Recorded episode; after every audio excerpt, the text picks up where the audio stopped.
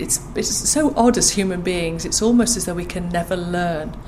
But whenever we're in the moment, it feels like the truth and it's good and we think we know it.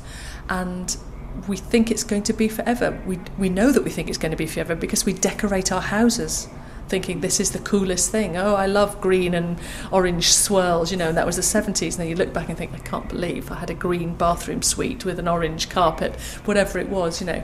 And it's exactly Människan är så konstig, det är som om vi aldrig lärde oss av det förflutna, menar Morgan Gay. När vi är i nuet känns det som sanningen med stort S. Det känns bra och vi tror att nuet pågår för evigt. Eller vi vet att vi tror att det pågår för evigt. För vi inreder våra hus därefter och tycker att det är det coolaste som finns. Men tittar du på ett gammalt fotografi så kan du ju inte tro att du en gång hade ett grönt badrum med en knallorange matta på golvet någon gång på 1970-talet. Vi ser en viss typ av estetik, till exempel vitt badrumskakel i ett café och bara glödlampor i taket och skrattar åh, så 2017. Och till sist så når vi en kritisk vändpunkt och styr in på nästa grej. Dr. Morgan Gay är matfuturolog.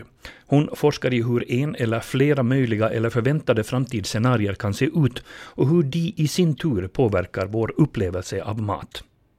Men hur kan vi då förstå och förutspå framtiden om vi bara kan uppfatta nuet och det som har varit? Ja, först måste vi studera och förstå människan i sin omgivning. The way I do it, I think that everything starts with a hunch. I am perceptive by nature and I look around the world. I travel a lot, and I suppose I spend, even on my holidays, I spend a lot of time looking at food. But I also look at behaviour and fashion and everything that's going on around me, and I see what everybody else sees. Det börjar med en föraning. Jag är naturligt mottaglig och reser mycket i olika länder. Jag använder också en stor del av min fritid till att betrakta mat. Men också människors beteenden, mode, nyanser och detaljer. Jag har liksom en katalog i huvudet av sådant som jag har sett förut och försöker para ihop liknande upplevelser från en annan kategori. In a different category. So I might see, for example, people don't wear watches on the tube in London and I'll think, oh, that's interesting. People don't seem to wear watches anymore. And then I might notice how people are maybe not having breakfast, lunch, and dinner, and how people are having more snacks. And I think, what does this mean about time? Jag kan till exempel märka att människor i tunnelbanan i London inte bär armbandsur och tycka att det här är intressant. Jag kan också notera att folk inte längre äter frukost, lunch eller middag, men istället har mera sex och undrar vad det här betyder om till exempel begreppet tid. Det här kanske är ett lite klumpigt exempel, men jag försöker sedan bevisa eller motbevisa en tes som jag har lagt upp. Den kan beröra allt från politik, ekonomi, matpriser, varor, mode. Tesen blir sedan en idé som jag försöker bevisa om jag tycker att den är tillräckligt solid. Men vilken roll spelar maten i den här processen? The food is a big piece, but I think it's the last piece in some ways. So, because I think that food doesn't exist in a vacuum, food is part of everything else, it's not separate. So, it shows us who we are and it's connected to everything. So, whatever we're thinking about, whatever we're wearing, we are thinking about a certain way of being and living, and food is part of that cultural discourse.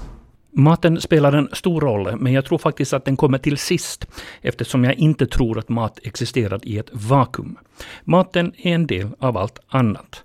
Den definierar vem vi är. Den är en del av den kulturella diskursen tillsammans med kläderna vi bär, samt hur vi tänker och lever vilken religion vi tillhör eller vilken världsbild vi har. Vad vi tycker att är viktigt, hur vi identifierar oss själva som folk och individer. Vad som kännetecknar just en finländsk kultur. Hur vi beter oss mot varandra. Hurdan smak vi har, alltså i en bredare mening, om till exempel mode, mat, miljö, musik och så vidare. Trender kommer och går, vissa är flyktiga, andra består. Men vad händer just nu och vart tror Dr. Morgan Gay att vi är på väg? We've been in this this time of perfection, of needing to be perfect, of this pressure to achieve and be better and good enough. I think, especially with the 20 to 30 year olds, even the teenagers, they're really pressured. The social media, the expectation of people, their fear of failure, their fear of the world. There's a lot of fear because it makes human beings behave in a different way and want to achieve in a different way. And also, narrow things down and live in a smaller way. Enligt Dr. Morgan Gay lever vi nu i en tid av perfektion. Vi upplever att vi måste vara perfekta, vi måste prestera, vara tillräckligt bra och bli ännu bättre. Till och med bland tonåringar finns de som är rädda för att misslyckas och som känner en rädsla inför världen. Det här leder till att människan börjar bete sig och sträva efter att uppnå sina mål på ett särskilt sätt. Ofta lever mera inrutat och tryggt. Och när världsläget är omtumlande så söker människan trygghet i sin vardag och lever så att säga mindre, som Morgan Gay uttrycker det. Det tar sig bland annat uttryck i trender som pockar på nostalgi och en glorifiering av tidigare epoker. I think also whenever there's anything where we feel a little bit unsafe or there's any kind of uh, recession or there's a fear, we always think, oh, wasn't it great in the carefree 70s, 60s, 50s, 40s, 30s? You know, I think we always want to latch onto something that feels familiar, it makes us feel safe and good, mm. and we have a reference point. Hamburgaren är en stående symbol för 1950-talets optimism och framtidstro. Men idag är det inne med cocktailbarer med spion och krigstema. Vi leds in i andra världskrigets och det kalla krigets miljöer där vi får iklä oss rollen som spion eller agent medan vi läppjar på en cocktail som en professionell mixolog har lagat efter eget recept. Ölet eh, från ett lokalt mikrobryggeri dricker vi i en pub med inredning från 1800-talets industrialism. Stilen kallas steampunk. Vi omges av kugghjul och stora maskindelar som kan ha tillhört en oceanångare eller ett gammalt lokomotiv. Det doftar brännolja och tjära. Sherlock Holmes kan dyka upp precis när som helst. Från Japan kommer trenden med unga vuxna som inte riktigt vill bli vuxna. Den kallas för kidult 20-30-åringar som läser och tittar på tecknade serier, köper leksaker och spelar olika spel. De älskar barnmat och allt med socker i.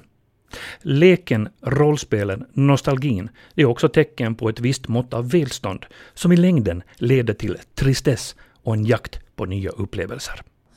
I think for everyone, I think because of this sense of abundance that we now have, whether we think so or not, we get to choose we pretty much get to choose what we want to eat. And this is really a new phenomenon. This is so recent in our recent history. Definitely for our parents, most of us, they would not have experienced that level of choice and freedom.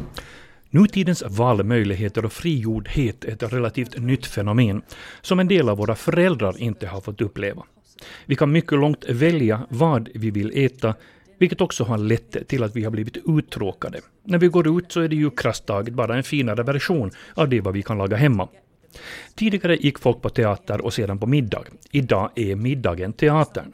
Om man tänker på förväntningarna vid matbordet så känns fine dining idag redan föråldrat. Det räcker inte längre med vitklädd personal som svävar omkring dig med servetter och bestick. Folk vill nu ha nya upplevelser.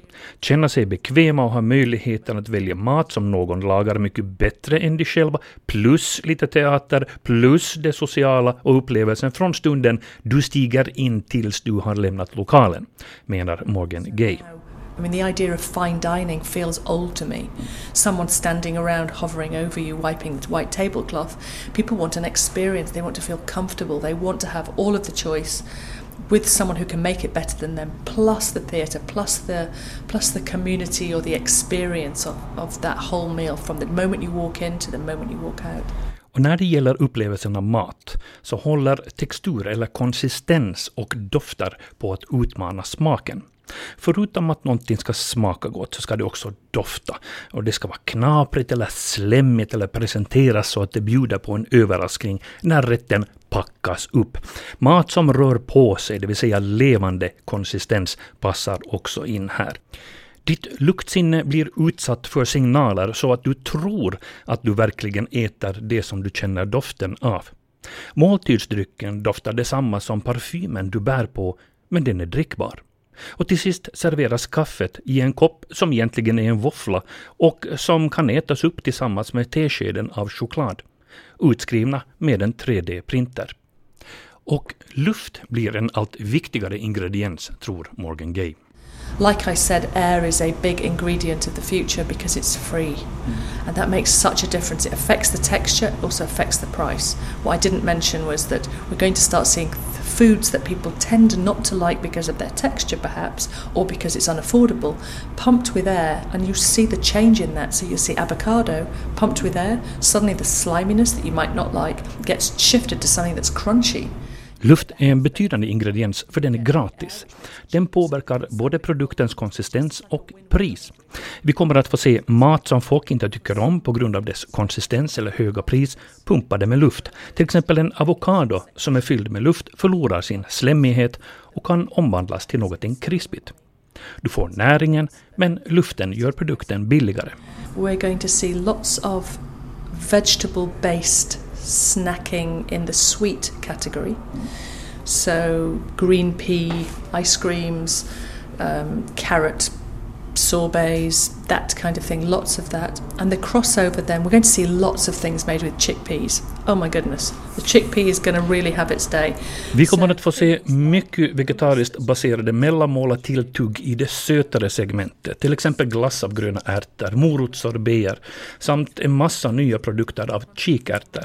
Kikärtor som hummus med choklad och apelsinsmak eller chokladbrownie hummus eller söta hummusprodukter överlag. Kikärtor i olika knapriga format, mjuka och flytande format, till exempel som glasyr. Också användningen av alger kommer att öka. Mat kommer alltså att eh, segla friare mellan olika kategorier. Salt blir sött och sött blir salt eller kanske umami. Och just nu pågår också en trend som för oss tillbaka till Moder Jord. Morgan Gay kallar den för Back to the Land. Det är frågan om en svart estetik med bland annat ätbar mull, alger och aktivt kol.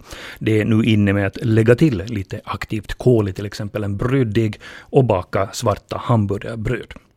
Men när det gäller mjölkprodukter som vi i Finland har en stor förkärlek till så är de tyvärr på nedgång i hela västvärlden. Mejerierna försöker komplettera sina urval med mjölkfria alternativ, till exempel mandelmjölk och andra nötbaserade drycker. När det gäller kaffe så har vi ju redan blivit konnässörer. Och det här är ju en sån dygd eller en last som knappast försvinner i första taget. Men det kan ju komma en generation som förpassar kaffet på hyllan som ohälsosamt. Så morgondagens kaffe kanske bryggs på kikärtor eller rostade dadelkärnor. Vem vet?